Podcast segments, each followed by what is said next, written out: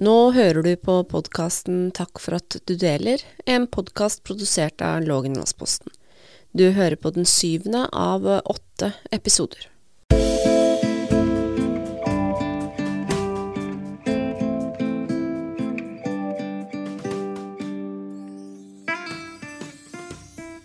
Hjertelig velkommen til podkasten Takk for at du deler. Mitt navn er Linn Kristin Djønne, og i dag så har vi med oss Emilie Omholte Lang.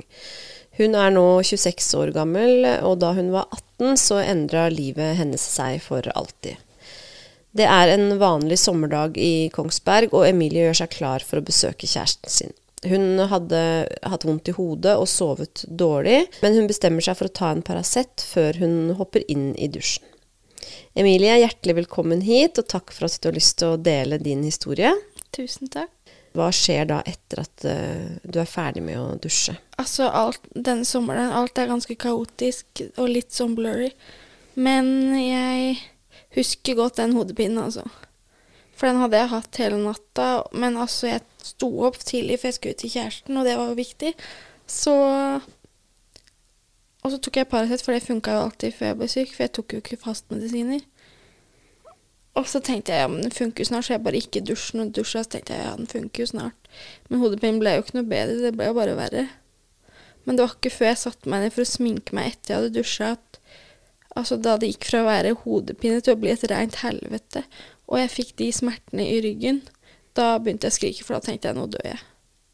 Og det var rett og slett smerter som kom fra hodet og gikk ned i ryggen, eller hvordan kjentes det? Nei, altså det er jo Altså, jeg visste jo ikke noe om det her. Hva det kunne være. Jeg trodde det bare var vanlig hodepine, og jeg hadde sovet dårlig. Så det var liksom Jeg mistenkte ikke at det var noe alvorlig. Men så begynte det å gjøre så vondt i ryggen. Men det sier terapeuten min, at det, jeg spør hvorfor gjorde det så vondt i ryggen. Da sier de at jeg kan tenke meg at når jeg hadde hjerneblødning, så sto alle muskler i hele kroppen min i høyspenn. Så det er derfor jeg husker de smertene ekstremt godt, fordi jeg hadde mye muskulære smerter når jeg hadde blødning. Og det siste jeg husker, er at jeg plutselig så var venstresida mi borte, jeg kunne ikke føle den. Og jeg begynte å skrike, og brødrene mine kom løpende. Og så så jeg de akkurat komme i døra, og da ropte til dem at jeg har kjempevondt i hodet, og jeg kan ikke følge venstresida mi. Og så kasta jeg opp masse, og så besvimte jeg. Og alt det her skjer selvfølgelig hjemme i huset til hos mamma og pappa. foreldrene dine her i Kongsberg. Ja. Mm. Og du besvimer, og det siste du husker, er det du akkurat fortalte. Og hva skjer, hva skjer videre da? Altså, det har jeg jo bare blitt fortalt, for jeg var jo bevisstløs. Så altså Storebroren min ringer med en gang til AMK-sentralen og gir så god beskrivelse av tilstanden min at de rekvirerer luftambulansen med en gang. Og det er nok derfor jeg lever i dag, for at de fikk bestilt den ambulansen, luftambulansen med en gang. Fordi han ø, hadde litt ø, kjennskap? Han eller? hadde nettopp førstegangstjeneste i Forsvaret, og der har de litt førstehjelp. Så han satte sammen det at manglende følelighet og vondt i hodet, det er tegn på at det er noe med hjernen min. Og så kommer selvfølgelig da luftambulansen. Ja, altså jeg ble kjørt først til sykehuset med ambulanse, så de fikk stabilisert meg litt. Og så kommer, venter vi på luftambulansen når den kommer, så Altså, jeg husker jo ikke noe av det, jeg var jo bevisstløs. Men altså, når luftambulansen kom, så måtte de jo legge respirator i luftveiene mine. Så jeg kunne koble meg til respiratoren i helikopteret, så de kunne kontrollere pusten min, at det gikk bra, liksom. Og så kjørte vi til Riksen. Altså Helikopteret kom og henta meg her halv to, og klokka to var jeg kobla til CT-skanner inn på Riksen, så de kunne se hva som skjedde. Så altså, jeg tør ikke tenke på hvor fort vi kjørte i den ambulansen og helikopteret. Uff. Og så kommer du mm, da til Riksen, og, og, hva skjer nå videre? Altså, de, jo, de kjører jo skanninger og undersøkelser for å se hva det er. Og de finner ut at det er en blødning i hjernen. Og da ringer, da ringer de på sykehuset etter Wilhelm Sorteberg, som er Fordi de mistenker at det er en karnøsteblødning. Og Wilhelm Sorteberg, han er Norges fremste ekspert på det med karnøsteblødninger. Så, og han var ikke på jobb, men, og dette var jo på natta, så de ringte han, og han valgte å stå opp og komme og stoppe blødningen min. Men jeg var veldig svak etter den første blødningen, for det var veldig, veldig heavy. Det var så vidt de klarte å redde livet mitt. Så måtte, for at jeg skulle overleve, så måtte de legge meg i kunstig koma etter operasjonen, fordi jeg var så stressa, og hjernen var så stressa. Så jeg måtte få ro, så da måtte de bare legge meg i kunstig koma. Så du blir operert den natta du kommer inn på sykehuset? Ja, for de må jo stoppe blødningen. Mm. Og så eh, blir du lagt i kunstig koma. Og hvor lenge er det du blir liggende i kunstig koma da? Cirka fem-seks uker første gangen. Fordi, og de prøvde å vekke meg flere ganger. Men altså Maskiner begynte å pipe og sånn, så de kunne ikke vekke meg. Så de måtte bare legge meg tilbake i koma. Og det skjedde to ganger eller noe. Så da blei jo mamma di litt urolig for at kanskje det ikke gikk, da.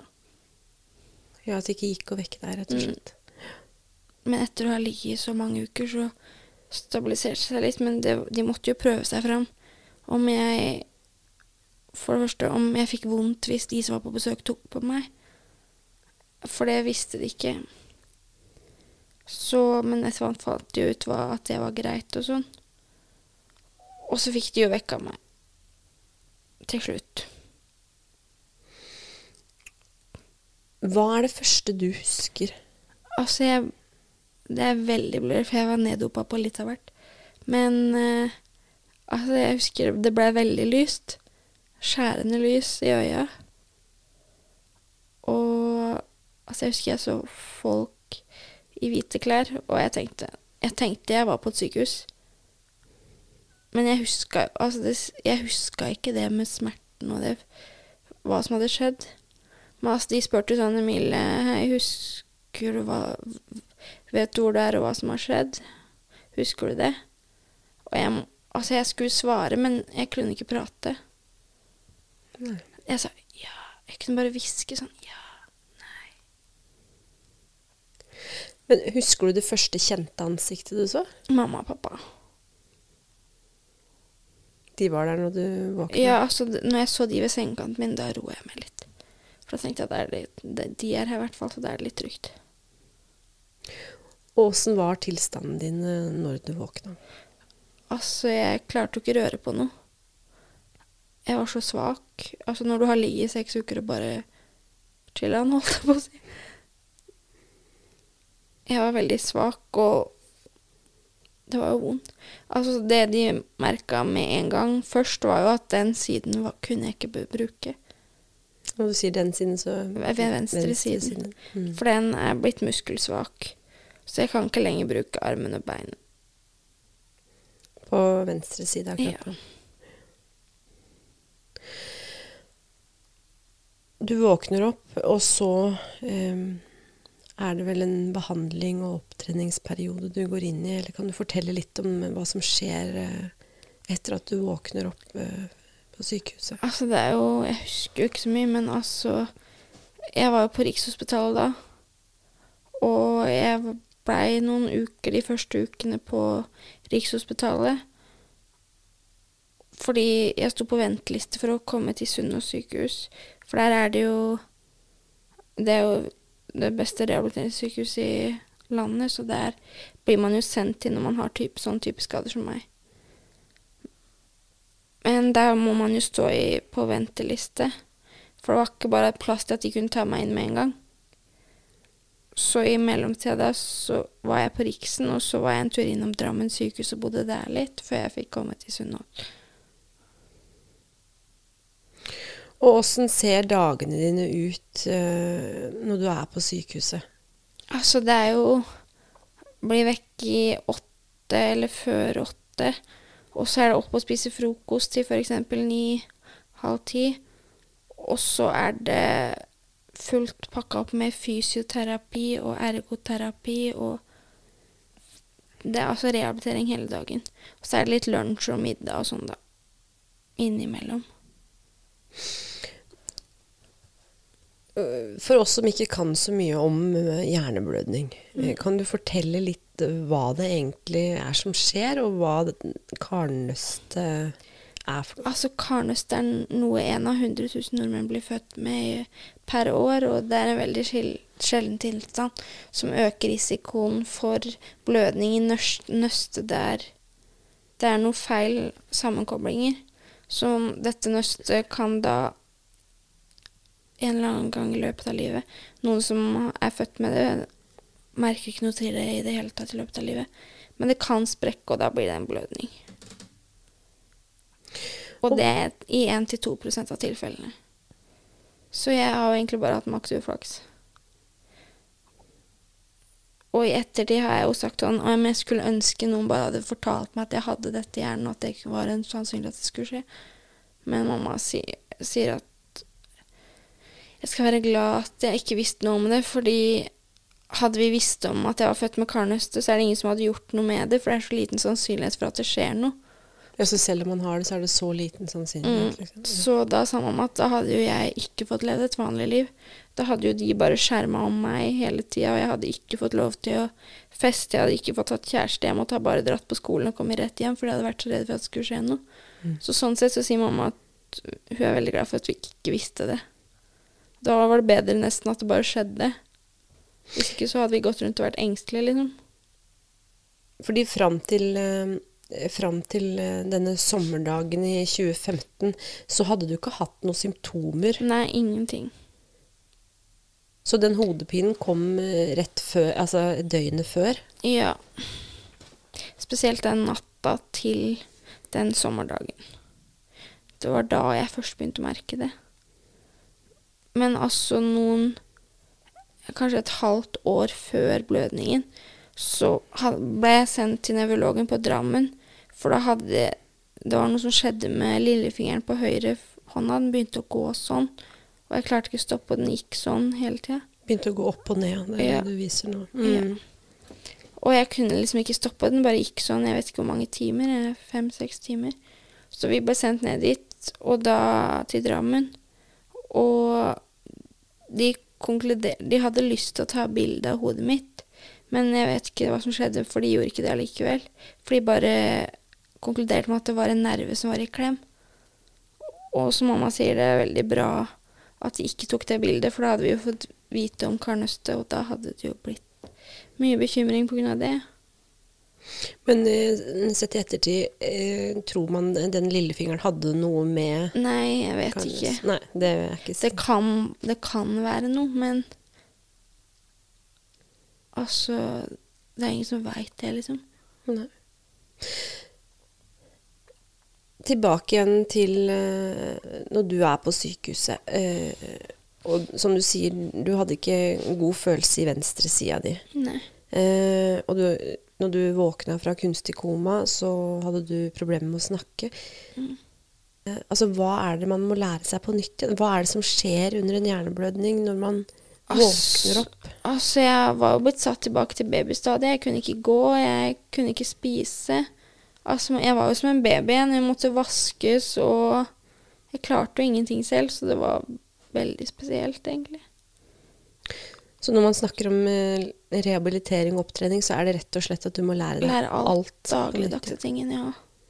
Lære å spise, lære å snakke, altså. Det var jo Du var jo et helt eh, år på Sunnaas. ja, Altså ikke sammenhengen. Jeg var et, først et engangsopphold i fire-fem måneder. Og så hadde jeg et til førstegangsopphold fordi jeg ikke fikk benytta meg av muligheten til å rehabilitere der. Så det blei jo sammenhengen et år til sammen, nesten, da. Husker du noen sånne store milepæler? Altså, jeg har jo en fremskrittsbok liggende hjemme som jeg og psykologen min begynte å skrive, for, som jeg hadde på Sunnaas. fordi altså, når man sitter i det sjøl, så er det veldig vanskelig å se fremskritt. Men når jeg leser den nå, så er det jo helt Jeg kjenner det ikke igjen. Det er sånn Når det står i en fremskrittsbok at klarte å spise hele middagen selv, og det var liksom noe som var stort å skryte av. Altså, jeg tenker Klarte å sitte på sengekanten i tre minutter, liksom. Det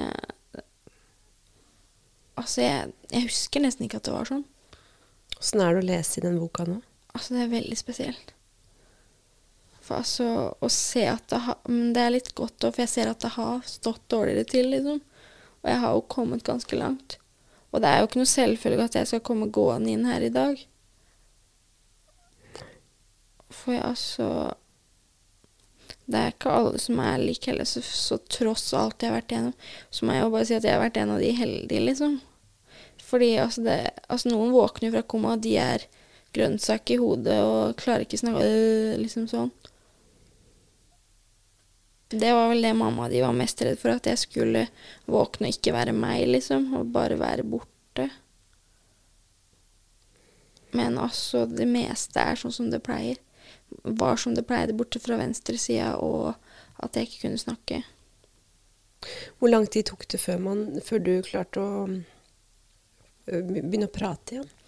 Altså, det var Jeg ble jo overført til Sunnaas etter hvert. Og Men jeg hadde svelgparese fordi jeg har, har hadde hatt respirator. Så all væske og mat skulle gå innom, gjennom pegg i magen. Jeg skulle ikke ha noe via munn. Og så var det sensommer, og vi var på Sunnaas, det er veldig fint nede ved Oslofjorden.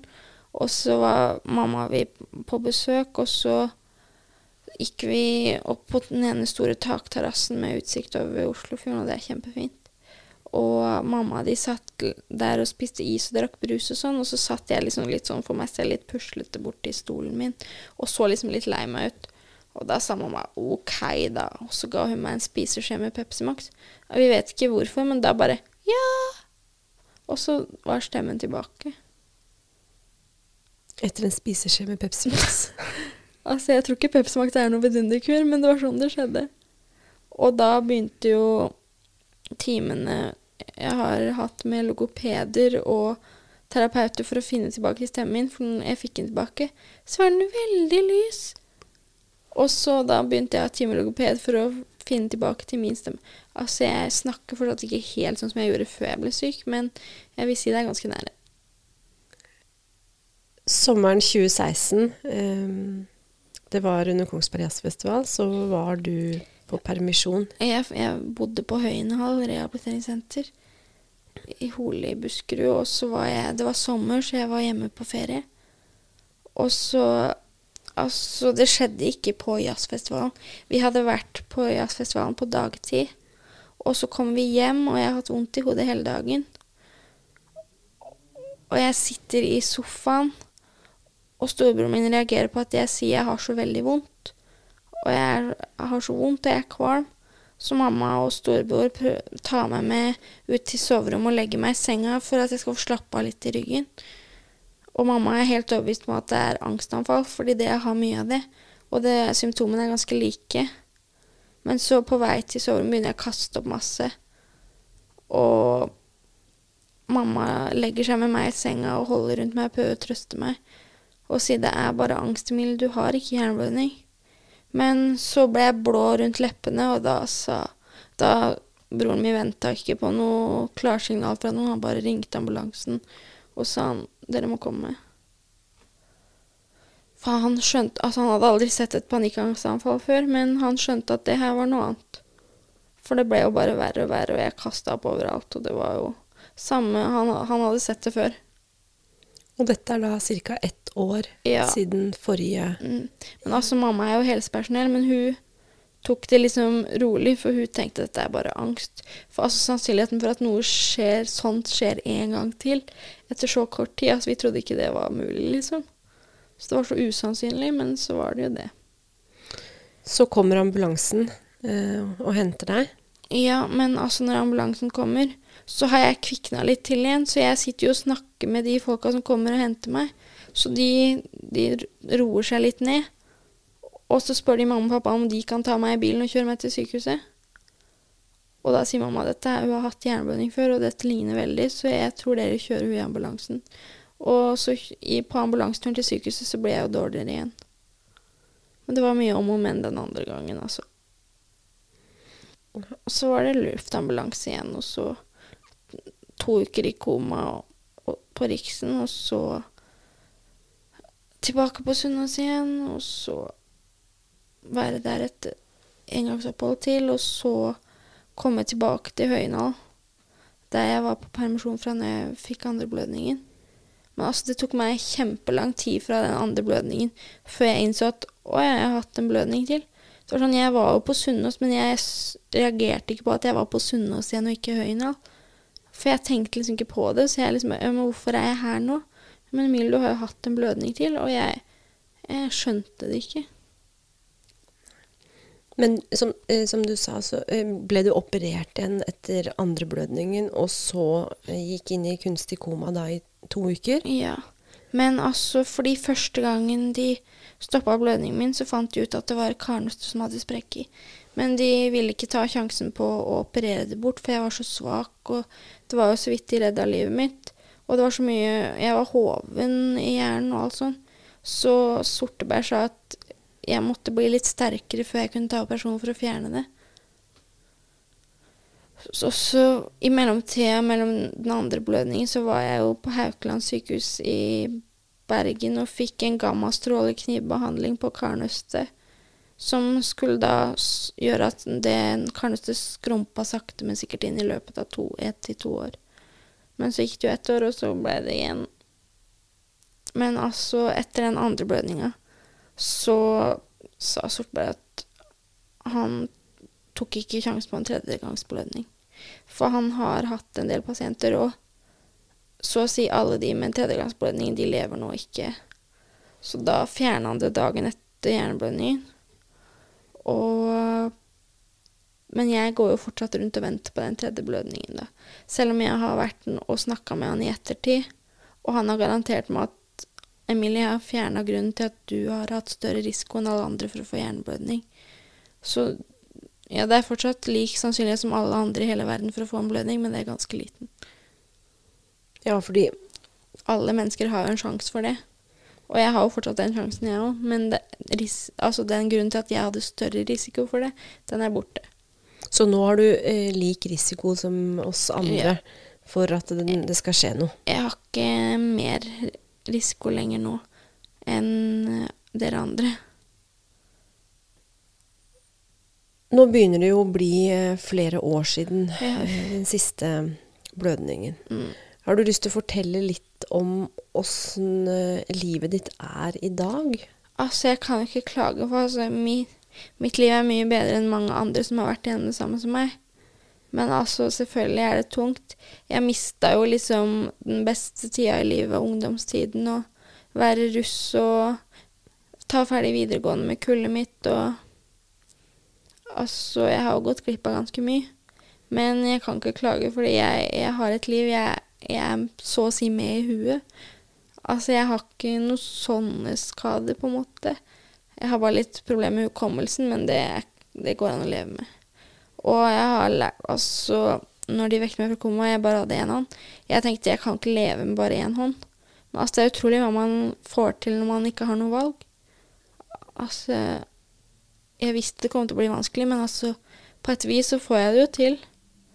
Og da Det er ikke hver dag jeg er veldig glad for at jeg lever. For noen dager er ganske mørke, men det er vel litt sier seg selv. Kan du fortelle litt om åssen fysiske plager du har nå? Altså, jeg har bare én side av kroppen min som funker. Så altså, jeg, det er jo et problem å kunne gå vanlig.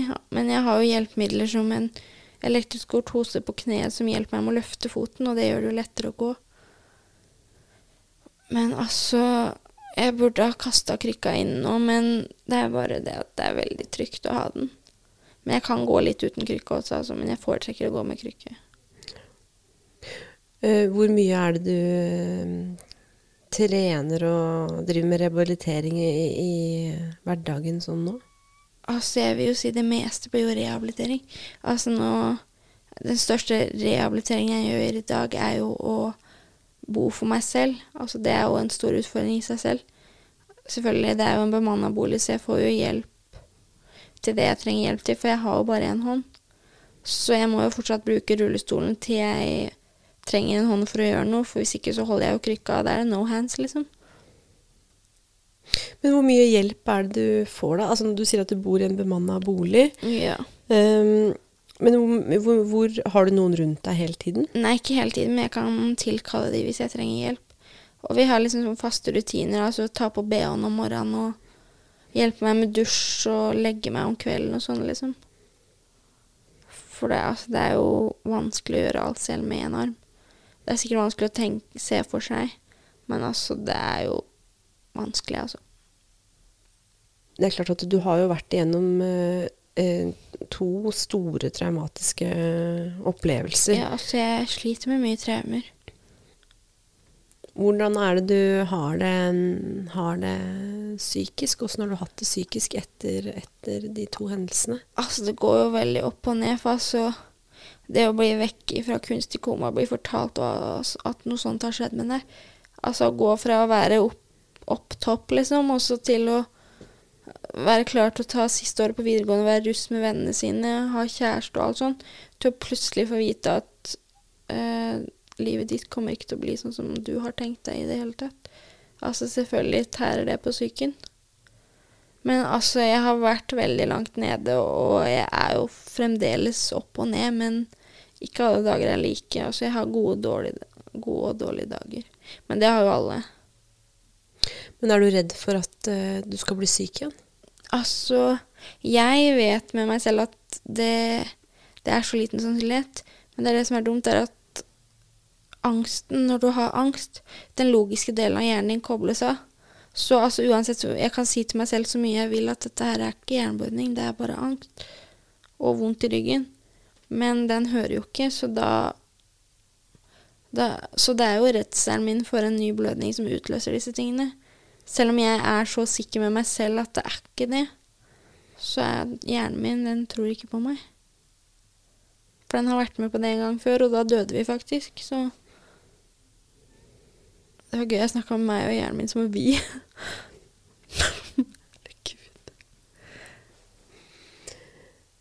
Eh, hva tenker du videre nå, Emilie? Hva er dine håp og drømmer for uh, framtida? Altså, jeg har jo lyst til å gjøre noe ut av meg selv. Jeg vil jo ikke bare sitte hjemme og få betalt penger fra Nav, liksom. For altså, jeg vil jo være til nytte for noe. Og mens det året jeg hadde friår da jeg flytta hjem hit igjen, da jeg alltid syns det er gøy å hjelpe Når du er barn og begynner på skolen, så altså, du vet bare at skole er noe du skal gjøre ganske mange år fremover. Og da tenker jeg hvor mye det suger å føle at du får det ikke til. Så da tenker jeg også Det er derfor jeg syns det hadde vært interessant å jobbe som spesialpedagog. For å kunne prøve å gjøre hverdagen til de barna som sliter, litt bedre. Du har studert ett år eh, spesialpedagogikk, Ja, og det er noe som du tenker at du har lyst til å fortsette med? jeg har lyst til å prøve, da. Men altså selvfølgelig Det er jo vanskelig for meg å studere. Jeg har veldig problemer med hukommelsen, og enarmsproblemet gjør det jo ikke lettere. Men jeg, etter jeg flytta tilbake til Kongsberg Jeg ble jo syk høsten til jeg skulle begynne i tredje klasse på videregående. Så når jeg flytta tilbake til Kongsberg, så begynte jeg med å ta opp videregående igjen. Så jeg tok jo ferdig videregående de første åra jeg bodde i Kongsberg. Delte det opp over to år, og så tok jeg historie og norsk. Og vet du hva, det, det som var litt fælt, er at der fikk jeg veldig gode karakterer, faktisk. Men det var fordi jeg gikk inn med innstillingen at klassen min Jeg visste at jeg måtte jobbe dobbelt så hardt som alle de, fordi de har bedre forutsetninger enn meg til å klare det, liksom. Så jeg bare jobba beinhardt fordi jeg skulle få det til. For jeg tenkte så flaut å være så gammel og ikke ha gjort ferdig videregående, liksom.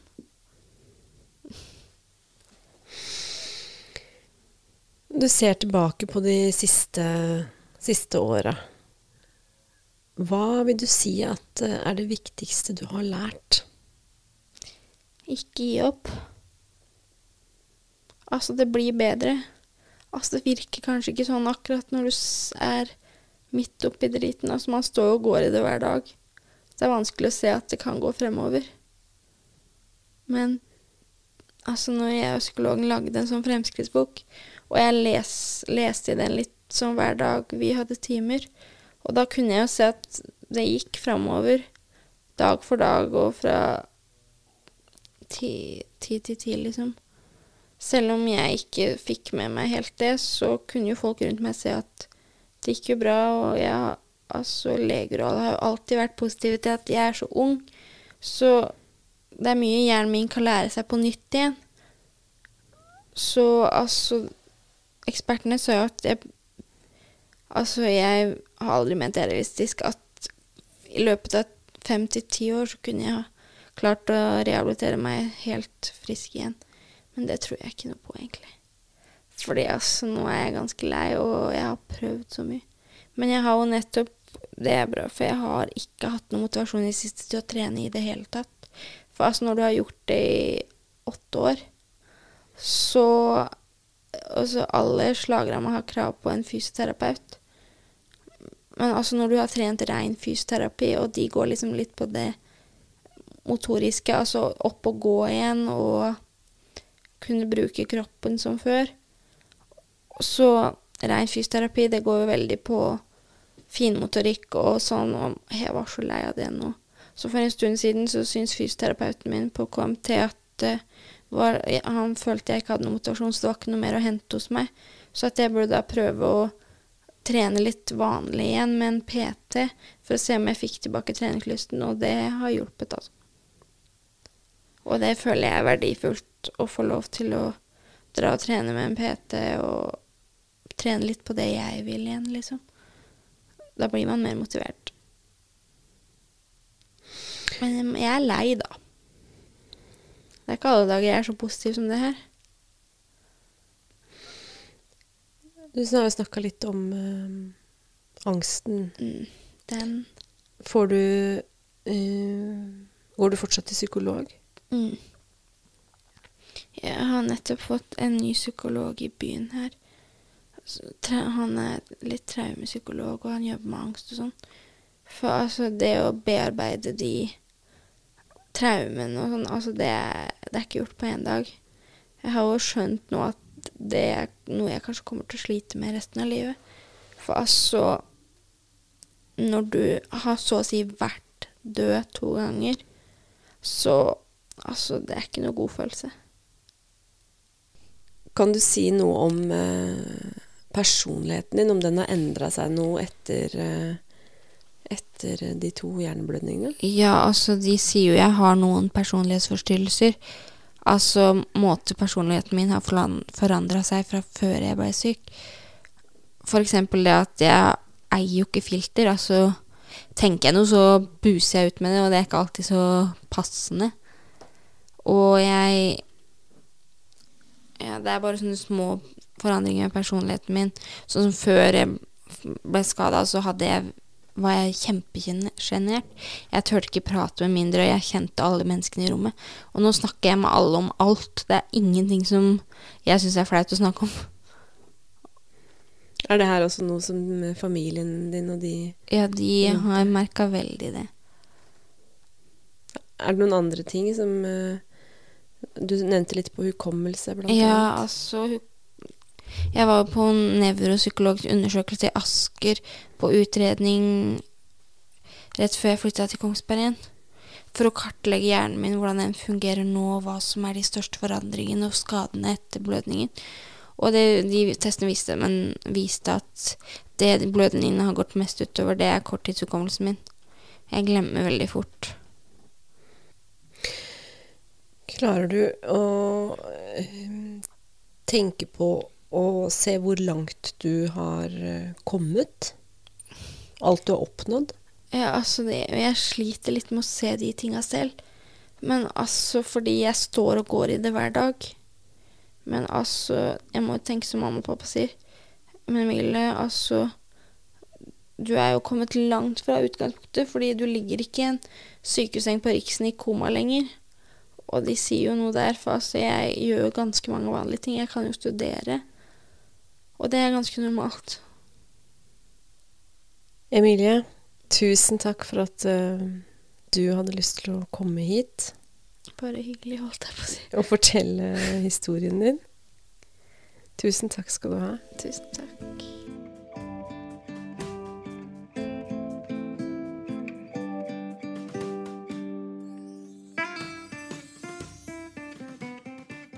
Nå har du hørt på podkasten Takk for at du deler, en podkast produsert av Lognalsposten.